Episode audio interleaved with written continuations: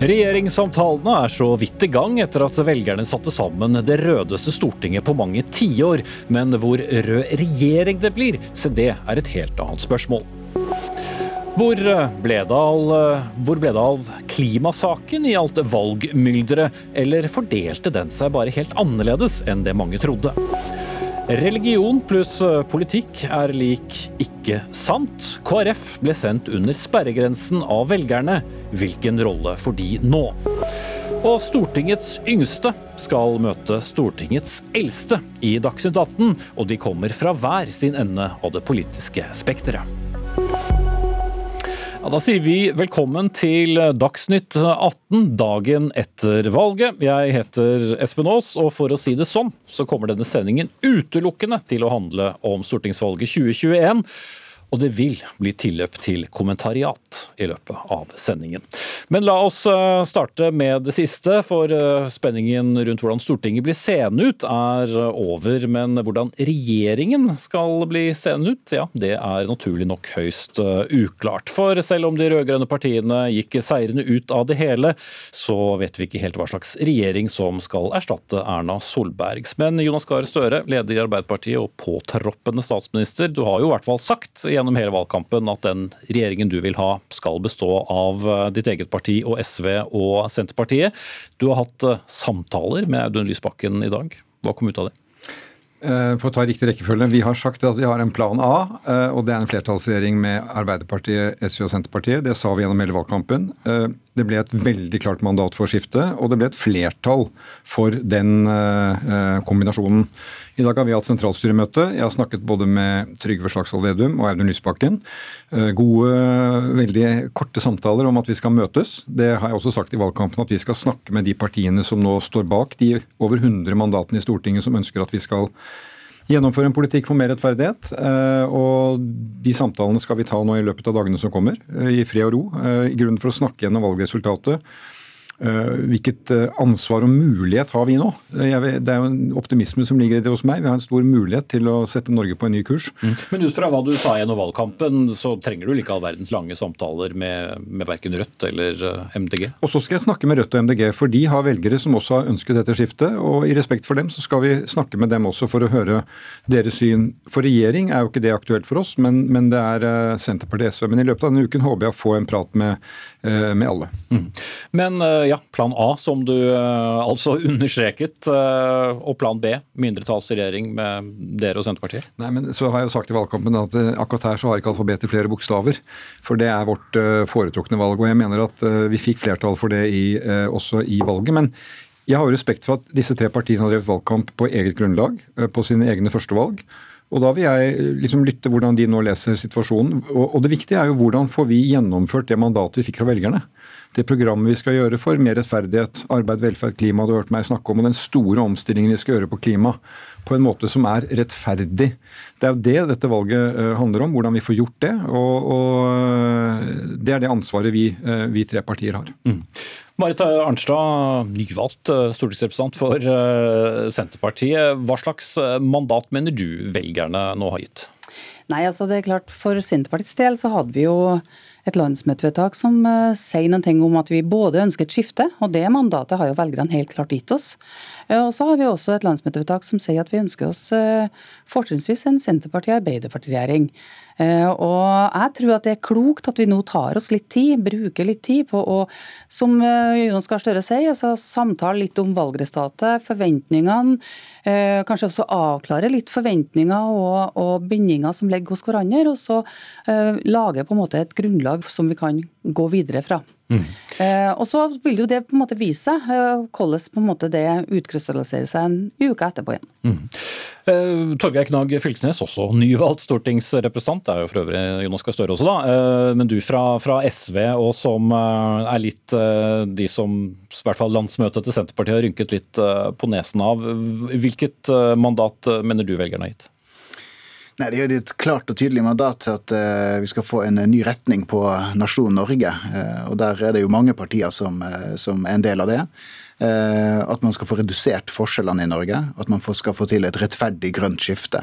Det er det tydelige mandatet som vi opplever. Og Der er jo vi det førende partiet for de partier som vil gå langt i å redusere de sosiale forskjellene i landet, som vil ta de nødvendige store stegene for å få til det grønne skiftet. Så vi føler Noen vil kanskje si at eh, en god del stemte på et parti som ligger til venstre for dere òg? Ja, det, det, og det skal man ta på alvor. Det er, masse, det er stor oppslutning om en, en ny bølge eh, på venstresida, der man er opptatt av både miljø og rettferdighet. og Men, er men hvis vi holder oss til dette mulige regjeringssamarbeidet, så har jo uansett dere da, som ble gjentatt mange ganger i går, valgt en løsning der SVs medlemmer skal ta stilling til en eventuell regjeringsplattform hvis det kommer eh, til forhandlinger, som jeg vel har forstått at eh, i hvert fall mange i ledelsen hos dere er, eh, er interessert i. Men det fordrer vel også, med den historikken fra den forrige regjeringsperioden til SV, at det må være et, en regjeringsplattform med ganske mange innrømmelser for SVs del? Ja, vi, måten vi har lagt opp forankringsarbeidet i vårt parti på, så ønsker vi å involvere medlemmene i den store beslutninga om vi skal inn i regjering eller ikke. Eh, og eh, Da ligger det selvfølgelig i kortene at når man skal samarbeide med andre partier, prøve å få til en eh, felles nasjonal politikk, så vil det være mange kompromisser. Eh, og Det er SV-ere skjønt klar over. Altså Skal vi forandre retninga til landet, så vil det innebære kompromisser.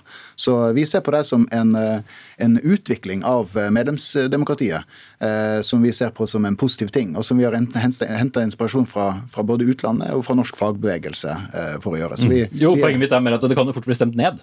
Hvis, eh, hvis man føler at her må eh, SV gå på akkord med det de står for. Samtidig så er dere halvparten av eh, Senterpartiet og vel en firedel av Arbeiderpartiet, så forventningene må justeres deretter. Ja, altså Demokrati er demokrati. ikke sant? Så Når du utvider medlemsdemokratiet, så, så, så vil flertallet rå. Men uh, når ledelsen i partiet kommer med en veldig klar anbefaling, hvis så skjer, uh, om at dette er noe vi mener man bør gå for, så vil det være en klar beskjed til medlemmene. Men uh, Marit Arnstad, hva skal til for at dere igjen vil innta regjeringskontorene sammen med SV? For som det er blitt påpekt, tidligere leder Liv Signe Navarsete har ment at kanskje det var en god idé om å være litt mer åpne på det. Per Olaf Lundteigen har sagt det samme. Altså, jeg tror at Nå er, måte, er vi i en fase der vi på en måte må ha noen samtaler knytta til de egne prioriteringene som hvert enkelt parti har hatt. Eh, og Det er jo de samtalene vi nå får. og Så tror jeg også at de, hvert enkelt parti må uh, ha gode samtaler innad i eget parti. og Det vil jo være uh, sentralstyret hos oss som også forvalter det landsmøtevedtaket som vi fikk i juni. og Det betyr at de også selvsagt må ha en grundig gjennomgang av hele situasjonen. og så synes Jeg altså, jeg synes ikke vi skal late som om her partiene her egentlig har blitt enige om mer enn det vi har blitt. Altså, Vi er alle enige om skiftet, Men vi forvalter jo en politikk hver for oss, eh, som på en måte har, eh, som har særegenheter. Og vi forvalter politikken på vegne av de 13,5% som stemte på oss. Eh, og det er på en måte det ansvaret vi legger inn i både samtaler og eventuelle forhandlinger med partiet mm. etterpå. Men, men uh, vil du si at du f.eks. da, som den veteranen du er både fra regjeringen og i partiet, ligger nærmere Liv Signe Navarsete enn f.eks. Ola Borten Moe? Ja, den sånn type umulige graderinger som en prøver å legge opp til der, det syns jeg på en måte er helt rart. fordi eh, Vi har et landsmøtevedtak, det er det jeg må forholde meg til. Eh, det landsmøtevedtaket må forvaltes videre. og Så kan det være ulike holdninger eh, innad i mitt parti omkring hvordan det landsmøtevedtaket skal utvikles videre. Men, men det hadde vært lettere om dere hadde et flertall med Arbeiderpartiet, så er det ikke så vanskelig å forstå at Nei. det ville vært enkelt å forvalte. Så vil du helst ha en flertallsregjering eller en mindretallsregjering, Nei, blir jo da spørsmålet. I Norge så er det godt mulig med begge deler. Altså i Norge er et godt eksempel på at både flertallsregjeringa og mindretallsregjeringa er gode, styringsdyktige alternativ. Mm. Det har vi hatt i mange år. Sånn at, eh, sånn at vi heller, heller konkluderer med at begge deler er mulig. Eh, og så får vi eh, se hva samtalene mellom oss bringer i løpet av uka. Mm. og hvordan, noen... vi også får avklart forventningene til hverandre. Men du har ingen egen oppfatning om du ønsker deg først og fremst en flertallsregjering eller en mindretallsregjering? Nei, altså Jeg er en representant for et parti som har gjort noen vedtak på sitt landsmøte. Jeg skal bidra til å forvalte de vedtakene. Og så sier jeg det at i Norge så klarer både flertalls- og mindretallsregjeringa klare seg godt. Det har vi bevis på gjennom hele den nære forhistorie. Tilbake til eh, bokstaver, Jonas Gahr Støre. Hvis plan A er Senterpartiet, SV og Arbeiderpartiet, så betyr vel også at du primært ønsker deg en flertallsregjering?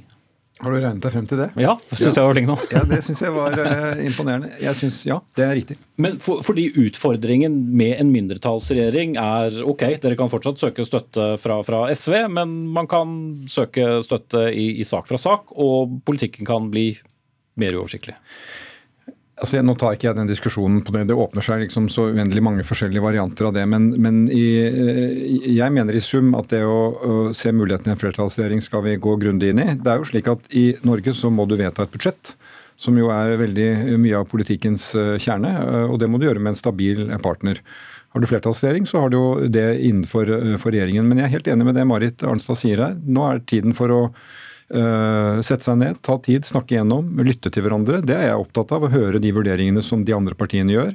Det er jo sånn Når du sitter i, i, forhandlinger, så skal du være klar over dine egne interesser, men også lytte veldig til de andres interesser. Og så tror jeg ofte så på disse viktige valgene, for det er jo, nå skal vi finne ut hvordan skal vi levere på det vi har uh, fått et flertall for. Og Marit har rett i at vi har hver våre partier, men jeg tror det er veldig sterke fellestrekk som vi har felles interesser. Og det å utvikle nå et et opplegg som kan levere på det.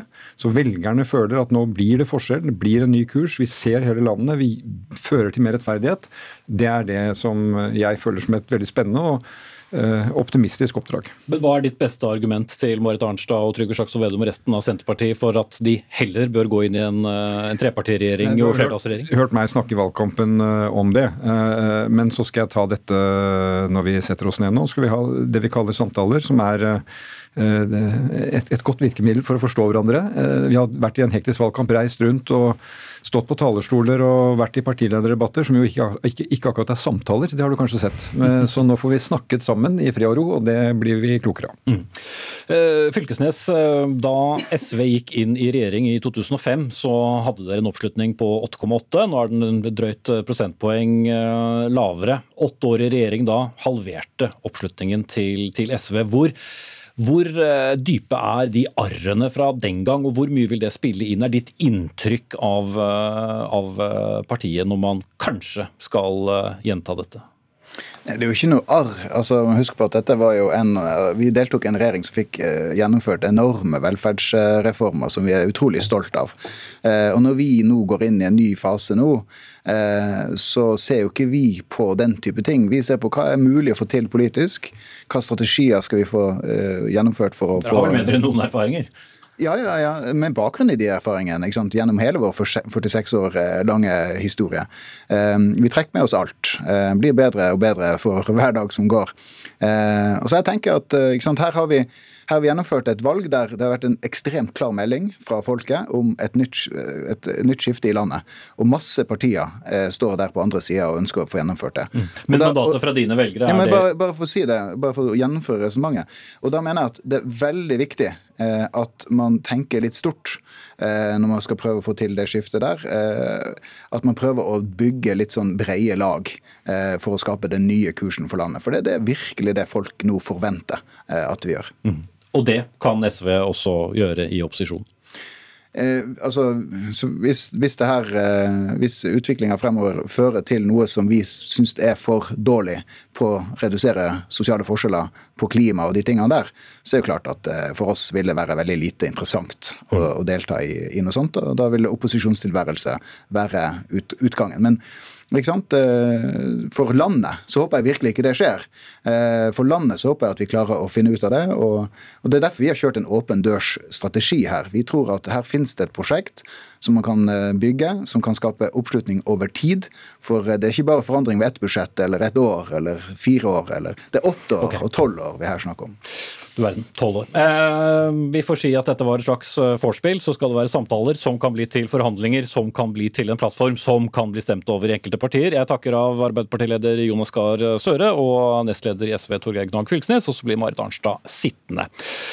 For det var jo eh, sånn og slik at klimasaken eh, dominerte på forskjellig vis under denne valgkampen. Men til tross for det som så ut til å være relativt gode målinger og hyggelige tall tidlig i prognosene, så falt altså Miljøpartiet De Grønne under sperregrensen. Og Torkil Vederhus, partisekretær i MDG, og så vidt jeg kan skjønne den eneste i MDG som hadde mulighet til å stille i, i studio i dag. Når MDG ikke klarte å komme over sperregrensen i et år der FN kom med den klimarapporten de gjorde, forteller ikke det en historie om at eh, velgerne i hvert fall ikke tror at det er dere som har noen løsning? Først og fremst så er det dette et historisk godt valg for oss, og det er viktig å understreke. Og så er det ingen tvil om at, som du introduserte om, at meningsmålingsbyråene har målt oss feil, men vi har da altså fått inn tre stortingspolitikere for første gang som skal kjempe for miljøet på Stortinget. Mm, det visste jeg du kom til å si, men spørsmålet er likevel Hvis ikke dere klarer å kapitalisere på den FN-rapporten eh, som kom i fanget, som, som, langt på vei i hvert fall gir dere rett. Nå er vel kanskje dere litt mer dystopiske noen ganger når dere snakker om fremtiden enn selve rapporten gjorde, men burde, mange hadde vel forventet at dere skulle få mye mer utslag av den? Eh, det vi så i denne valgkampen, var at den nettopp som du sier, begynte å dreie seg om klima. og Det ble veldig mye diskusjon om våre politiske løsninger. og Det er vi jo stolte på. Vi er veldig ærlige om hva slags politikk vi mener trengs å føres for å følge de rapportene som har kommet fra klimapanelet. Men det har også gjort at de andre partiene snakka mye mer om klima i denne valgkampen. At andre partier også fikk klimavelgere som nå forventer klimahandling fra dem. Mm. Så det, det, var din måte å se seier på. Mm -hmm. Marit Arnstad, eh, igjen fra Senterpartiet. Noen mente jo at eh, Senterpartiet ikke tok ordentlig klimaspørsmålet på alvor, og dere måtte svare på en del kritiske spørsmål om det. Når du ser på resultatet i dag, vil du si at dere valgte rett? Nei, altså, Senterpartiet har vært opptatt av klimaspørsmål, og det var en veldig viktig del av programprosessen da vi laga nytt partiprogram. Så vi syns jo at vi har vært opptatt av de problemstillingene veldig lenge. Men det blir ofte sånn i klimadebatt og, og oljedebatt at hvis du ikke er enig med dem som vil gå lengst, så har du liksom ingen politikk. Men det er jo ikke sånn det er.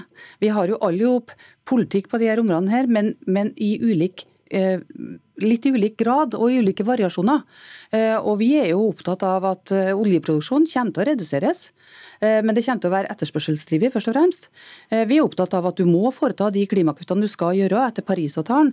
Men så er diskusjonen hva er forpliktelsen etter Parisavtalen, og hva går enda lenger enn det Parisavtalen forplikter oss på.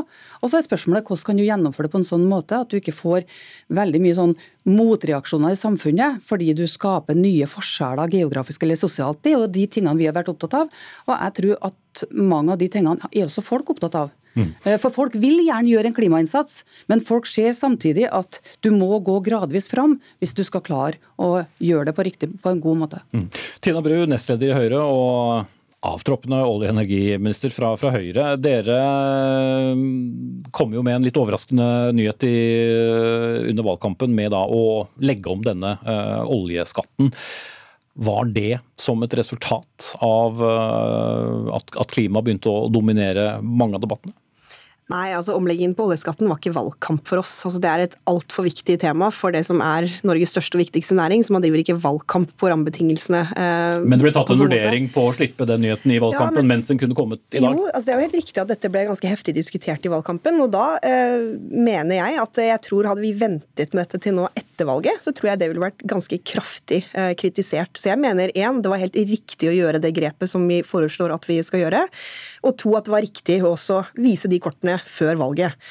Eh, men når det er sagt, så har jeg også lyst til å si at jeg er enig med den beskrivelsen som, som Marit gir her. Jeg tror absolutt at dette har vært et klimavalg. Men jeg bare tror ikke at uh, folk flest i Norge mener at uh, de som er klimapartier, bare er de som blir kalt klimapartier uh, i pressen. Altså at det er MDG, at det er SV. Jeg tror tvert om at det ikke er sånn. Jeg tror de ser at også de store partiene, som f.eks. Høyre og Arbeiderpartiet, også har bra klimapolitikk. Mm. og det er noe med det vi også må ha med oss, tror jeg, som kan være greit å huske på i de debattene vi skal ha fremover, og at man ikke liker da, den retorikken som i hvert fall MDG har kjørt veldig hardt på i denne valgkampen, hvor man stempler folk som klimafornektere osv. Det tror jeg velgerne har gitt tydelig beskjed om at det syns de ikke noe om. Mm. Eh, jeg vet at du gjerne vil ta ord, men jeg har noen flere på linje som jeg skal, skal ta inn, eh, inn, først her, eh, Vedrus. Og, og Guri Melby, leder i, i, Venstre, du er med oss på linje. Dere har jo forsøkt å profilere dere godt på, på klima- og, og miljøsak selv, men vil du si det var det som til slutt reddet dere over sperregrensen? Jeg tror det var en av grunnene til at Venstre gjorde et godt valg. Eh, vi snakker jo veldig mye med velgerne i løpet av en valgkamp. Vi er ute og møter dem. Eh, og vi fikk veldig tydelige tilbakemeldinger på at de opplever at Venstre er et parti som har en troverdig klimapolitikk, en gjennomførbar klimapolitikk. De har også sett at vi har fått resultater i regjering. Og jeg tror jo eh, altså Den oljeskattesaken som ble lansert i valgkampen, da, der vi vist fram i praksis at vi også får gjennomslag for oljepolitikken vår i et borgerlig samarbeid, det tror jeg også var veldig positivt for Venstre. Så det var en miljøsak? Ja, jeg mener altså, vi, altså, Alle de partiene som jo faktisk definerer seg som klima- og miljøparti, eh, har jo vel gått fram i valget. Og vi har jo økt oppslutninga vår fra at vi lå på sånn 2,5-3% før sommeren til at vi fikk et valgresultat på 4,5% Jeg er sikker på at det at klima sto på dagsordenen, er en av grunnene til at Venstre gjorde et godt valg. Og så må jeg jo si at jeg blir litt bekymra når jeg hører Marit Arnstad. for jeg hører ikke veldig mye fokus på en veldig offensiv og nytenkende klimapolitikk, men mest av alt på hvordan vi skal dempe klimapolitikken gjennom ulike unntak og den type ting. Så, så det gjenstår jo å se da, om alle de velgerne som gikk til valgbordene og var opptatt av klima, faktisk får betalt i form av en klimavennlig politikk. Mm. Kan du ta svaret kort på det, Arnstad, så har jeg en femte deltaker som skal inn. Nei, altså, jeg mener at det er et stort rom i norsk politikk for en jordnær og praktisk klimapolitikk, der folk på en måte føler at de både kan være med å gjøre et bidrag, men også føler at dette er en problemstilling som det er mulig for oss å komme videre med. Og jeg synes jo at en del av de såkalte klimapartiene da, eh, gir, er med og gir folk en avmaktsfølelse. Altså gir folk en følelse av at det ikke nytter fordi problemet er så overveldende. Poenget er jo at vi har alle muligheter til å nå Parisavtalens krav innen 2030, og det burde vi formidle formidle mer til folk, og det har Senterpartiet prøvd å gjøre. Mm. Femtemann som, eh, som, venter er deg, Ketil Solvik-Olsen, eh, nestleder i, i, i, Fremskrittspartiet. Jeg hørte Magnus Takam, som jeg jo selvsagt eh, stoler på, gjøre et poeng ut av at dere var på en måte motstemmen i mye av den klimadebatten, og at dere også kapitaliserte på det inn mot uh, slutten av, av valgkampen. Er du enig i det selv? Ja, Det tror jeg er riktig. Det gjorde jo at vi i hvert fall fikk delta i en del debatter. Veldig mye av valgkampen handla jo om saker som der Fremskrittspartiet ikke fikk lov til å være med å sette premissene, verken eh, når vi ønsket å diskutere pensjoner, eldrepolitikk, samferdsel og lignende, så var NRK ganske uinteresserte. Oljedebattene de fikk vi derimot delta på. Jeg tror òg veldig mange innbyggere mobiliserte fordi de syns at de såkalte miljøpartiene, og kanskje MDG spesielt, mista helt bakkekontakten. Jeg tror alle er enige at vi skal redusere utslipp, eh, men eh, det er, ingen, eller få som er enige at vi skal gjøre det ved å ødelegge vår egen økonomi samtidig. Eh, og Vi så jo at vi fikk et betydelig løft i løpet av valgkampen. og i tillegg, Sammenlignet med, med 2019, så er jo Fremskrittspartiet det partiet som har gått mest fram. Så selv om vi ikke er fornøyd med resultatet sånn som det ble, så er det likevel vært en bevegelse i riktig retning i løpet av valgkampen. Mm. Alle er jo seierherrer eh, når vi oppsummerer valg, det må vi aldri glemme. Men uh, Torkel Vedrus, general, eller partisekretær heter det jo faktisk, i dette såkalte Miljøpartiet, som det har blitt omtalt som uh, her nå. Miljøpartiet, da. Jeg bare, jeg bare plukker opp uh, andres beskrivelse her. Men hvor mener du det gikk galt selv? Altså, Hvis du skal bedrive en viss form for selvrefleksjon på at dere ikke møtte det meningsmålingene kunne tyde på, og i hvert fall en, del eh, kommentatorer pekte på? Nei, altså jeg mener jo for det første at det vi hørte nå er et godt eksempel på det jeg snakka om i stad, nemlig at klima ble løftet. Alle de partiene, selv Frp, påstår at de klarer å gjennomføre klimatiltak og skal redusere klimagassutslippene. Og så ble det veldig mye diskusjon om våre løsninger, fordi vi er det eneste partiet som er ærlige om hva slags politikk som krever, kreves for å nå nettopp 1,5-gradersmålet, som FN og Det internasjonale energibyrået har lagt fram. Og så pekte velgerne på andre partier. Ja, fordi det er lettere å forholde seg til partier som lover i de store, men ikke leverer de konkrete løsningene. Politikk handler om å levere konkrete løsninger, og det er derfor vi ikke har sett endring i klimapolitikken de siste årene heller. Jeg er ikke enig i det. Altså, jeg tror en, ehm, de Samtlige norske partier mener jeg har en troverdig klimapolitikk. Man snakker om eh, klimapolitikk fordi det faktisk er en reell ting man er nødt til å forholde seg til. Ikke fordi MDG snakker om det, det er fordi at eh, det er vi alle nødt til å gjøre. Vi har levert en klimaplan som tar oss til 2030, og etter det skal ta oss frem til 2050. Og vi kutter det vi er nødt til å kutte i henhold til våre forpliktelser. Men jeg tror oppriktig, som jeg sa i stad, at eh, MDG brukte så mye tid på å karikere debatten, karikere de andre partiene til et nivå som jeg tror ga folk avsmak. Altså Når jeg, når jeg da blir, står og må bli kalt klimafornekter av MDG, at jeg er farlig politiker, det tror jeg er å dra det altfor langt. Og så tror jeg også at, det, som Ketil Solvik-Olsen var inne på, hvis svaret for å kunne ha troverdighet i klimapolitikken er at du skal legge ned det som er Norges største og viktigste næring, hvor 200 000 mennesker jobber uten en reell plan utover sånn ja, de kan gå på Nav i en omstillingsfase på veien, det, selvfølgelig så gir ikke det gehør. da, Det tror jeg er analysen. Vedrus og Sarnstad. Det er et veldig godt bilde på den valgkampen vi har. at eh, Eh, olje- og energiministeren påtar seg en offerrolle når det er snakk om klimapolitikken her. Og Det er det vi står i når vi faktisk må snakke om den reelle politikken. Vi kommer til å nå få inn tre sterke miljøpolitikere som kommer til å holde disse politikerne ansvarlig for at vi faktisk må nå 1,5 graders mål. Men, men var det ikke politikken og uttalelsene som hun kritiserte, og ikke noe annet? Hun kritiserte uttalelsene våre. Ja, jeg er jo ikke et offer.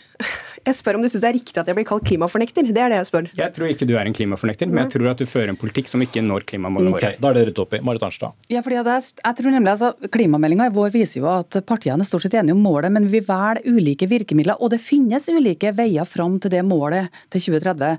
Og det, det, det, altså, Jeg tror faktisk at det har velgerne skjønt. Og jeg tror at det, det, Noe av det som MDG da gjør, det er å undervurdere velgerne sin evne til å både se hva som er fornuftige og gode klimaløsninger, og også hva som er hakket for mye, og hva som også blir, får litt preg av en sånn dommedagsprofeti. Men dere er jo veldig opptatt av å diskutere nettopp eh, MDG i veldig mange av, eh, av partiene.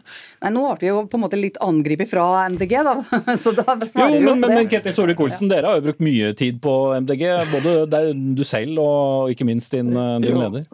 Det er jo helt riktig, fordi at stort sett så er det MDG som får lov til å definere noen tema i Dagsnytt 18. og så blir vi invitert så, så mot. Jo, men altså, det er jo vel, Mange ganger når vi har spilt inn temaer til debatt, så får vi nei, men MDG har spilt inn, og da er vi en ynda motstander. sånn at Det er jo en NRK selv som, som har gjort det sånn. Men La for oss ba- ba- droppe den debatten, siden jeg ikke har noen Ja. redaktører her. og jeg har ikke tenkt å Men- diskutere det. Nei, men bare, bare for å følge opp. fordi at vi er jo ikke uenige i at en skal kutte utslipp. Det er jo ingen parti på Stortinget selv, ikke Frp, som er imot god miljøpolitikk. Men vi er altså uenige om virkemidlene. og Hvis ikke MDG forstår det, så spiller de jo seg selv helt på sidelinja. Det som jo blir spennende i, i, eh, når en går videre nå, det er jo at eh, Senterpartiet, som har posisjonert seg veldig tett opp til FrPs med klimapolitikk, skal samarbeide med et av de partiene som de selv sier er virkelighetsfjerne i klimapolitikken.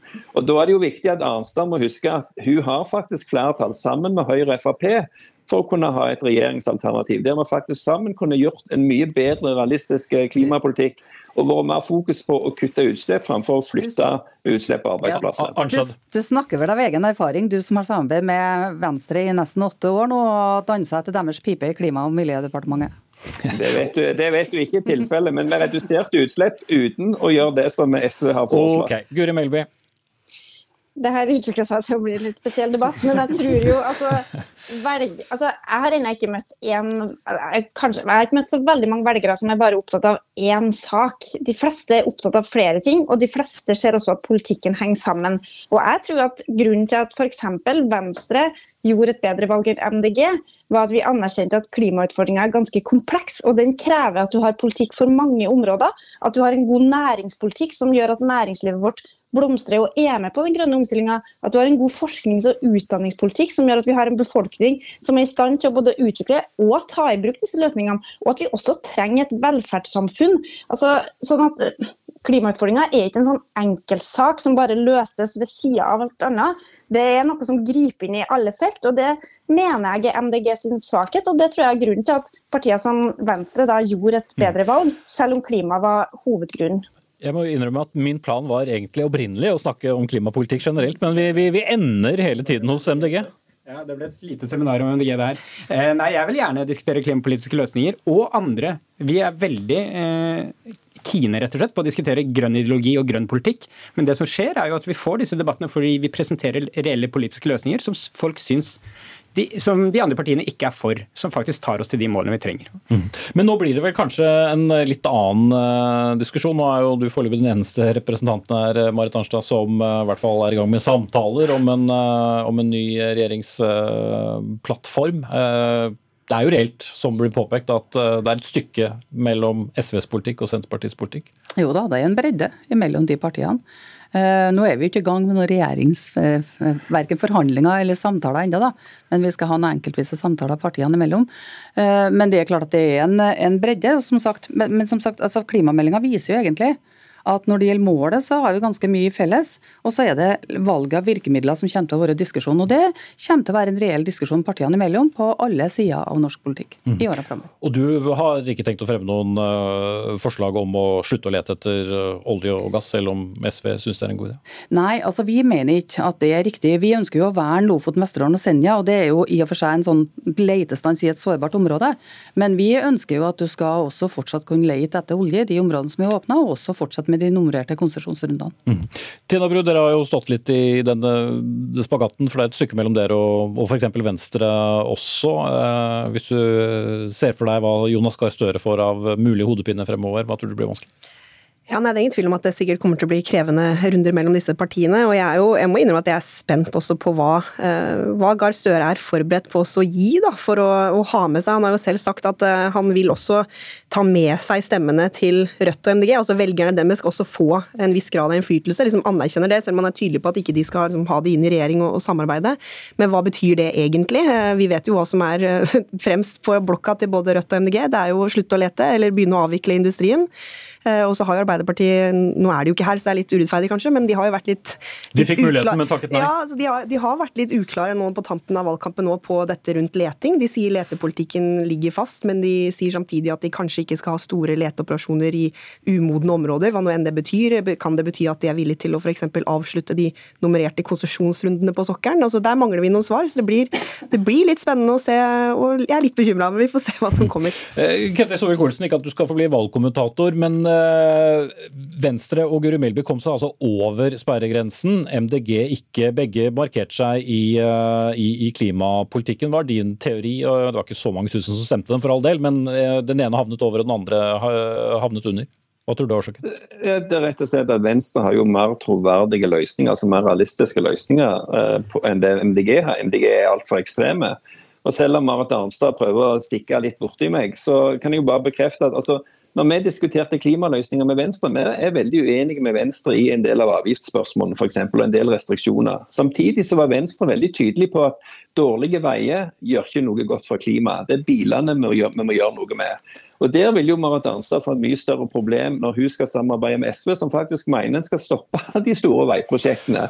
Og Der er jo avstanden større. og Derfor tror jeg at Venstre gjorde det mye bedre enn mange forventa. Både SV og MDG gjorde det verre enn mange hadde forventa. Ja, det var et uh, langt svar. Du skal få lov til å ende et uh, vedderhus. Jeg, jeg la meg fascinere at du egentlig fikk litt rett om at dere blir hentet opp i enhver uh, klimadiskusjon. Enten dere inviteres av Dagsnytt 18 eller andre. Og jeg må jo bare notere at selv om Frp altså har gjort et dårligere valg enn sist valg, så er det vi, vår framgang vi diskuterer som om det er et tap.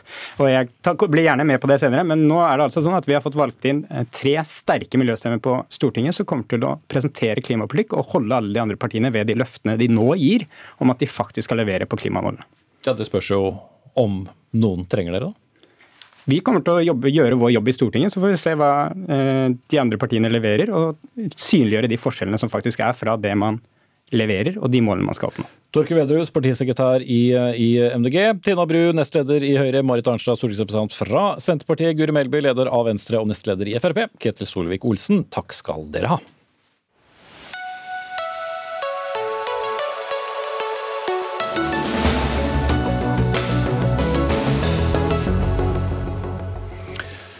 Som jeg eh, kanskje litt eh, flåsete sa under den forrige debatten, så har eh, hvert parti likevel kommet seirende ut av enhver en valgkamp. Men så var det Kristelig Folkeparti da, som fikk 3,8% oppslutning. Og i likhet med MDG kom heller ikke de over sperregrensen. Og andre nestleder i Kristelig Folkeparti, Ingelin Noresjø, tre stortingsrepresentanter eh, tar plass i neste stortingssesjon. Du er for så vidt ikke en del av dem. Men hva slags rolle skal Kristelig Folkeparti spille nå?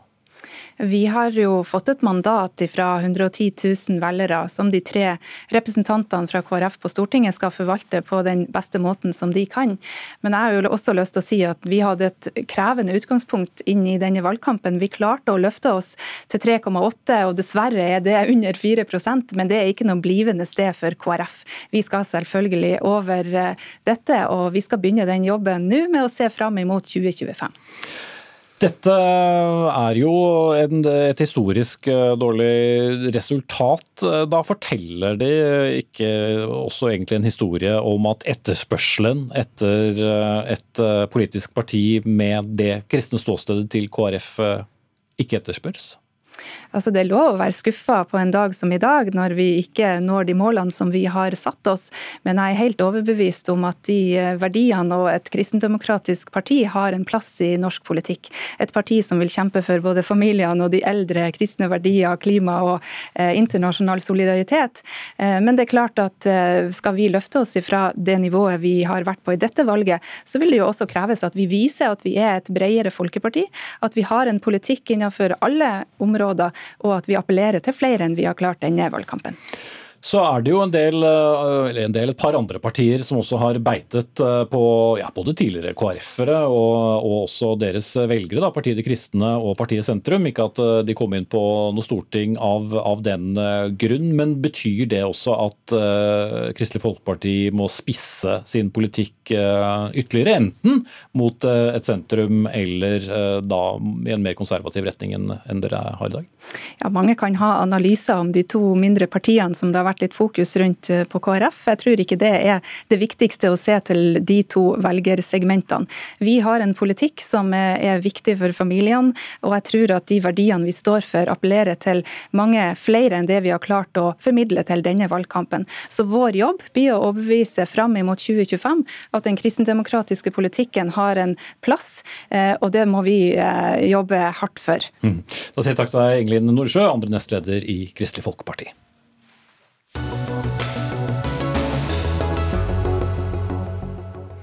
Var det noe jeg var helt sikker på at jeg ikke skulle få før eh, sending, eller i løpet av sendingen, så var det noe klart svar på hva slags regjering vi skulle få, selv om altså Senterpartiet, SV og Arbeiderpartiet kan danne et flertall. Men eh, selv om de involverte politikerne ikke eh, gir noe fasit ennå, så skal vi snakke om det likevel. Og vi starter i Trondheim. Siv Sandvik, politisk redaktør i Adresseavisen. Ut fra det lille vi har fått av eh, signaler tror du det blir en trepartiregjering med flertall? Nei, jeg sier det samme som jeg sa til naboen eh, som spurte, at eh, hvis jeg hadde måttet satse penger nå, så hadde jeg satsa penger på at det blir en flertallsregjering med de tre partiene, men jeg hadde ikke nødvendigvis satsa så mye penger. Det er fortsatt uklart hva det blir. Men vi hører jo at Marit Arnstad, som hun også holder på samme linja som hun også gjorde i før valget, for så vidt, er at de står på vedtaket sitt. De vil helst ha en regjering med Arbeiderpartiet og Senterpartiet, men samtidig så lukker ingen dører. Det er det jo en del andre i partiet som går lenger i å gjøre, da, men så det er jo tydelig at de er ikke helt enige internt heller. Mm. En annen fra Trøndelag, Ola Borten Moe, har jo også vært eh, relativt eh, bestemt på, på, på hva retningen skal være.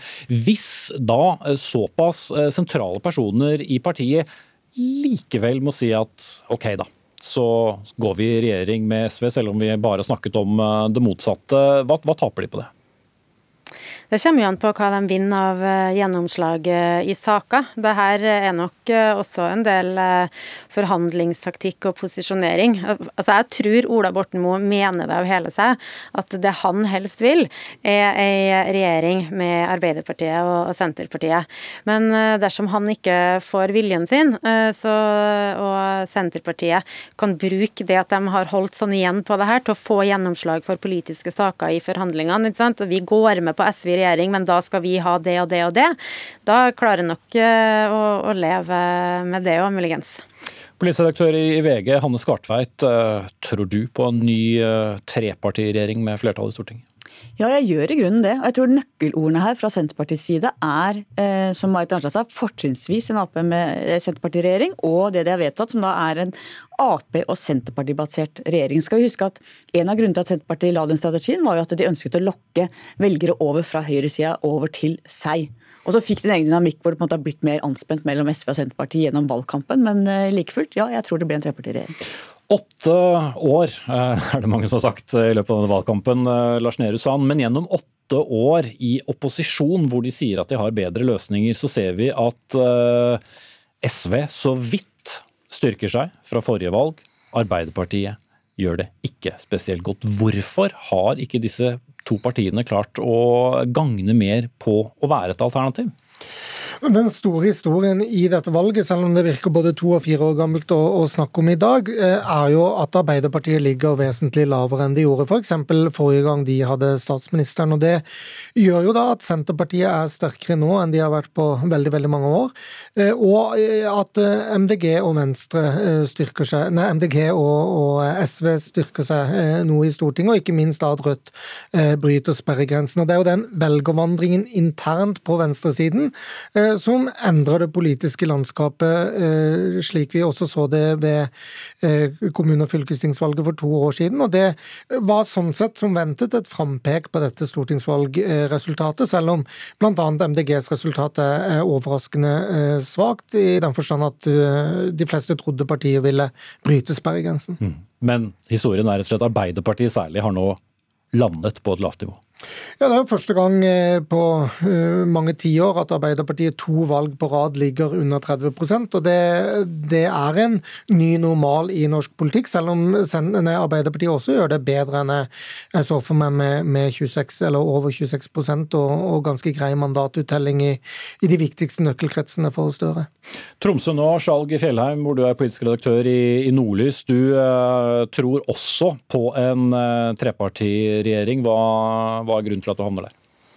Nei, jeg tror for det første at De tre partiene kjenner på en veldig sterk forpliktelse til å følge opp det mandatet de har fått fra velgerne. og For det andre så tror jeg at hvis det er noen som skal være i stand til å forene eh, disse tre partiene som nå har flertall sammen, så må det jo være diplomaten eh, Jonas Gahr Støre, som, som, jo eh, har en egen evne til å arbeide frem kompromisser, og til og med sagt at kompromisset er, er et viktig mål med politikken. Så jeg tror det er gode sjanser for at disse tre partiene danner en regjering sammen om ganske kort tid. Mm. Du har jo i valgkampen vært også opptatt av Miljøpartiet De Grønne, som altså havnet under sperregrensen sperregrensen, et stykke under der i hvert fall de selv nok regnet med å, å havne. Hva tror du var årsaken? Altså, jeg tror at MDG endte opp uh, som et nisjeparti for uh, hovedstaden og noen omliggende kommuner. og uh, Bergen og Trondheim og til en viss grad noen få andre store byer. Og jeg tror at de, de um, satsa for mye på ett kort, at det var hovedstadens velgere som skulle få de over sperregrensa. Men for å eh, bli et eh, parti med makt i Norge, så må du snakke til hele landet. Og det, det gjorde ikke eh, MDG. Mange i Norge følte seg, som Marit Arnstad og Tina Bru var inne på tidligere i dag, følte seg fremmedgjort i møte med MDGs retorikk. Men 111 787 000 er jo mer enn noen, noen velgere i Oslo, da? Ja, er, men altså rundt 50% av velgerne til MDG kommer fra Eh, ni-ti kommuner, altså Oslo, de omliggende, omliggende, kommunene pluss Bergen og Trondheim.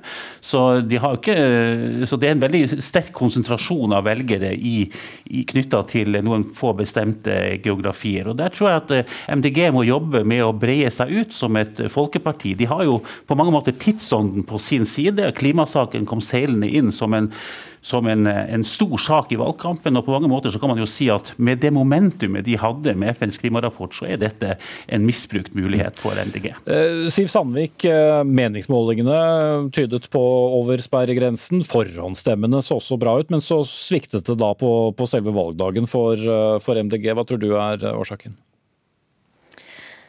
Jeg tror eh, årsaken er at eh, det virka ikke som et eh, parti som satt med, med løsningene. Altså, de lyktes med å fremstille seg sjøl som det mest kompromissløse klimapartiet. Men også velgerne skjønner at for å få til noe, så må du inngå kompromisser. Og der bidro MDG sjøl til å spille seg sjøl ut på sidelinja. Og så tror jeg jo at klima er ikke lenger en, en sak for spesielt interesserte. Jeg tror veldig mange velgere forventer at partier som stiller stille til valg, har en, en plan for hvordan klimamålene skal nås. Og der er det flere enn MDG som gir svar som velgerne tror på. Mm.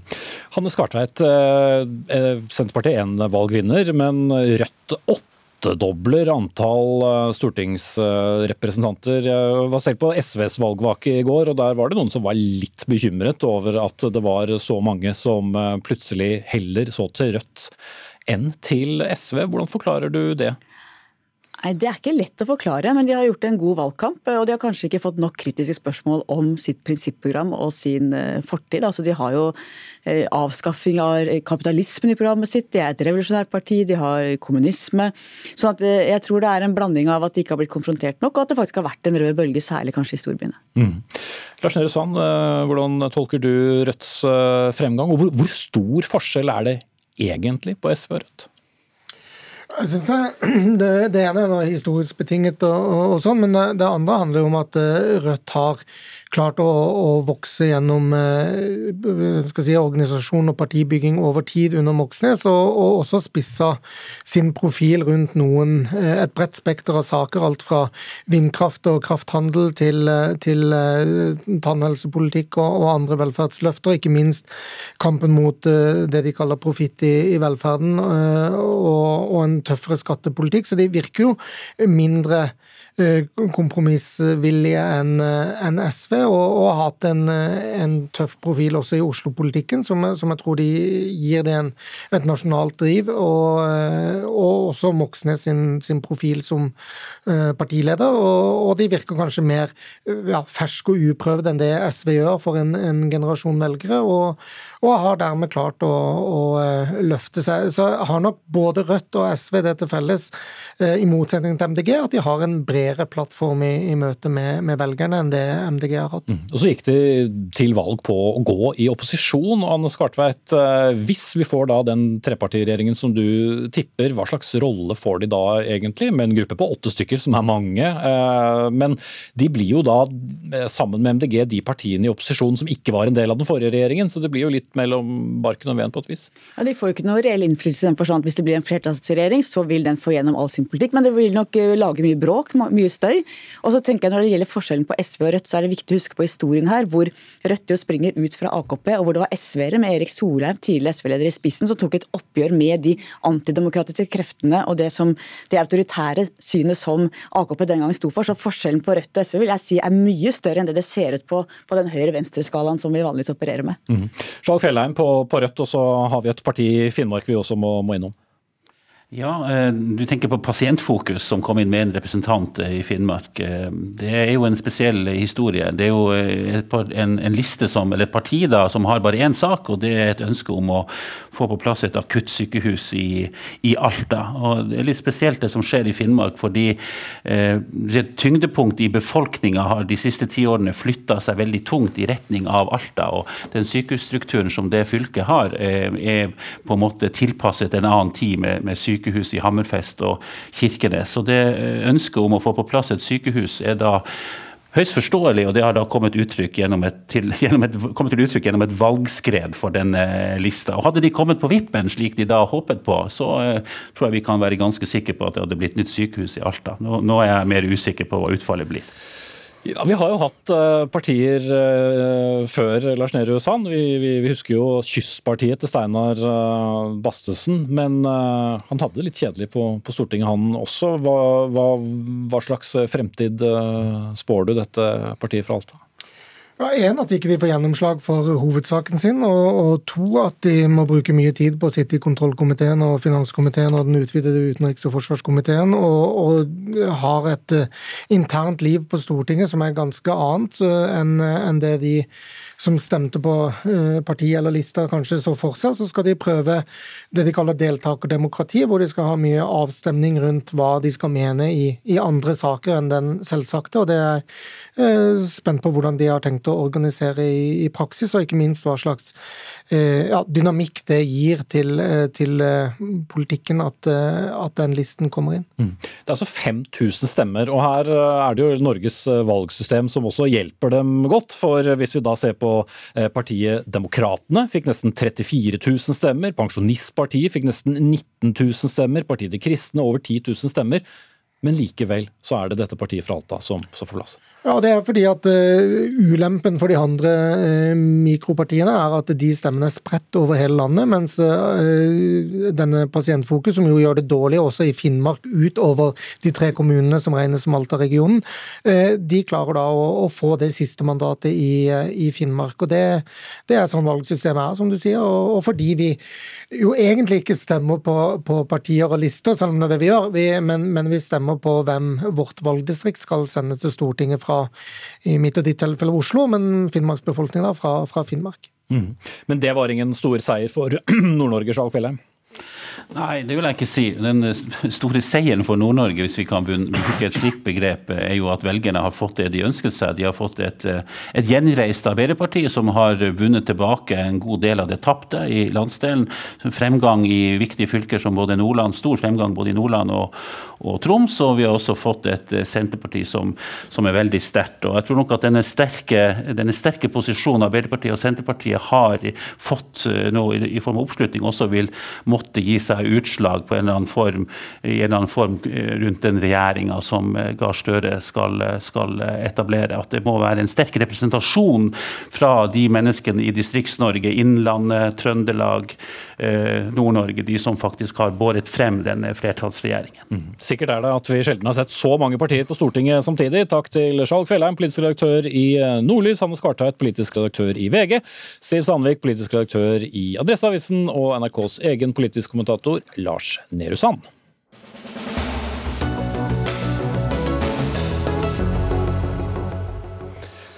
Kampen om de siste stortingsplassene ble nervepirrende i natt, både for partier, men også for uh, enkeltkandidater, enten de var ferskinger eller ringrever, som uh, havnet henholdsvis ut og inn av Stortinget gjennom natten.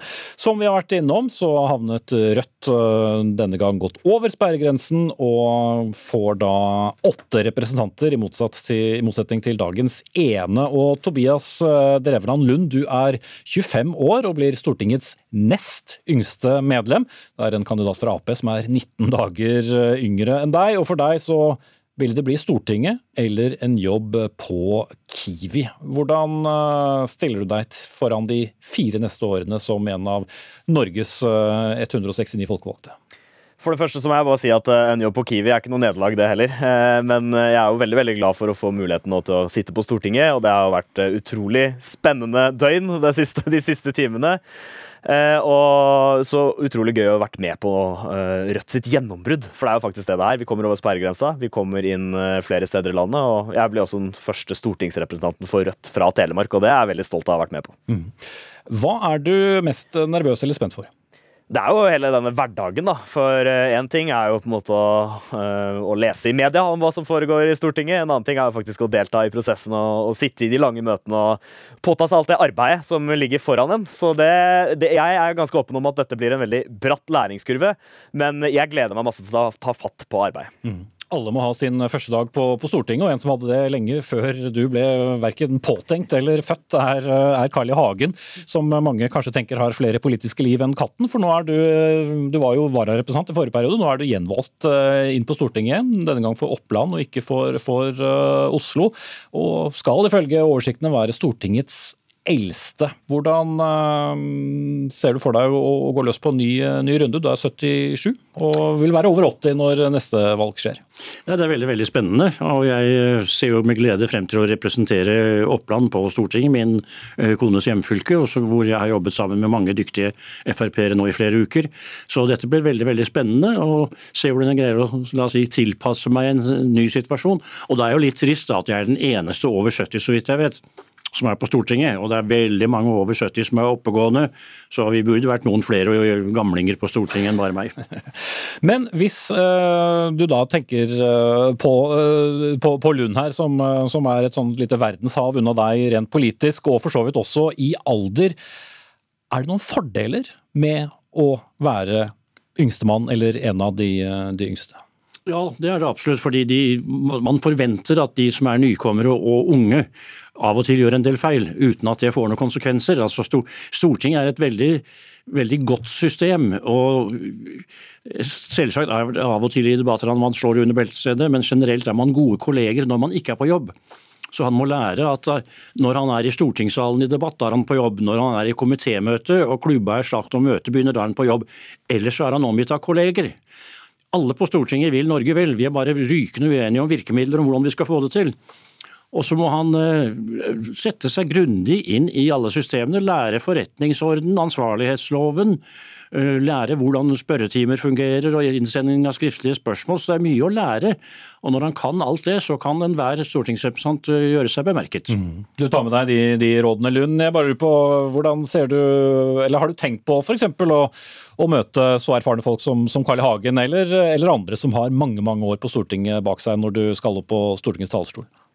Ja, det er klart at det er en viss æresfrykt eh, når noen er tre ganger så gammel som en. Eh, og eh, La meg bare først kommentere det som Hagen sier. for Jeg, har faktisk, jeg har ikke interesse av å skape sånn generasjonskamp. for Jeg syns det er veldig viktig at vi har folk representert fra alle aldersgrupper.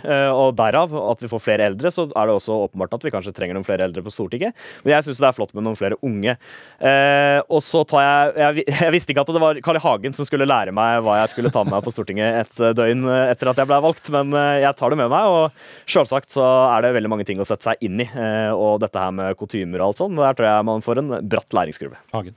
Jo, men jeg har jo hatt en viss finger med i spill å lære opp Bjørnar Moxnes. Vi satt sammen i komité i Oslo, i bystyret, og vi jobbet godt sammen. Og jeg har møtt han i debatter på, på, Stortinget, og det ser jeg frem til å gjøre igjen. Han har gratulert meg i dag, og jeg har gratulert han i dag. Og det er nettopp når vi, er, vi kan være langt fra hverandre politisk, men vi kan ha en god tone. Og det håper jeg alle som nå kommer på Stortinget bidrar til å få. Og, Moxnes har jo gjort mye av det samme som jeg gjorde når jeg bygde opp Fremskrittspartiet på 80-tallet. Og han har vært veldig, veldig flink. og ja, jeg, jeg, ser frem til å, å møte han og min motdebattant her i debatter i salen. Eh, å ha meningsutvekslinger. Det kommer til å bli en, eh, en berikelse for demokratiet. Så det blir, de spennende tider fremover. Jeg håper et eh, lite minutt på hver av, partiene også, siden du er den eneste fra, fra, fra, Rødt som er med her i dag. Lund, altså en partigruppe på, på åtte representanter, men dere gikk altså til valg på å sitte i opposisjon. Hvor mye gjennomslag tror du reelt sett at Rødt kan komme til å få? Det skal jo sies at Vi gikk til valg på å skaffe en samarbeidsavtale med en ny regjering. og Det aller første vi skulle gjøre, var jo å kaste Erna Solberg. Det kommer vi til å gjøre nå, og det er kjempebra. Men den samla krafta vi kommer til å få uh, på Stortinget, uh, den er jo også målbært av alle de bevegelsene som er der ute. i Fagbevegelsen, miljøbevegelsen, og den muligheten vi har til å sette makt bak krava når vi skal stille forslag som er gode, og som er så gode at uh, den sittende regjeringa ikke kan stemme mot den. Okay, mot forslaga, så tror jeg det kommer til å være noe som folk merker Eh, at Rødt har en stor gruppe på Stortinget. Så mange nye representanter som Rødt fikk, var omtrent det dere mistet i Fremskrittspartiet. Karl I. Hagen, hvis du klarer å svare kort på 25 sekunder, hva slags rolle får nå dette Frp-et? Dette Frp vil nå markedsføre sin egenart og være et klart opposisjonsparti som skiller seg også fra andre opposisjonspartier. Og jeg håper i hvert fall at vi skal gjenskape et stort Fremskrittsparti som nå viser sin egenart. Vi har fått eh, en regjeringsslitasje som ble voldsom. og vi var kanskje ikke opposisjonsparti heller før nå helt på slutten. Vi skulle ikke vært støtteparti. Skulle, men nå tror jeg vi kommer til å markere oss i opposisjonsparti, og da har vi en helt annen politikk enn også alle de andre partiene. Vi får se hvordan det går. Carl I. Hagen og Tobias Lund i gemyttlig samtale i Dagsnytt 18. En sending Ann Katrine Følge var ansvarlig for. Hilde Tosterud tok seg av det tekniske. Jeg heter Espen Aas. Takk for i kveld.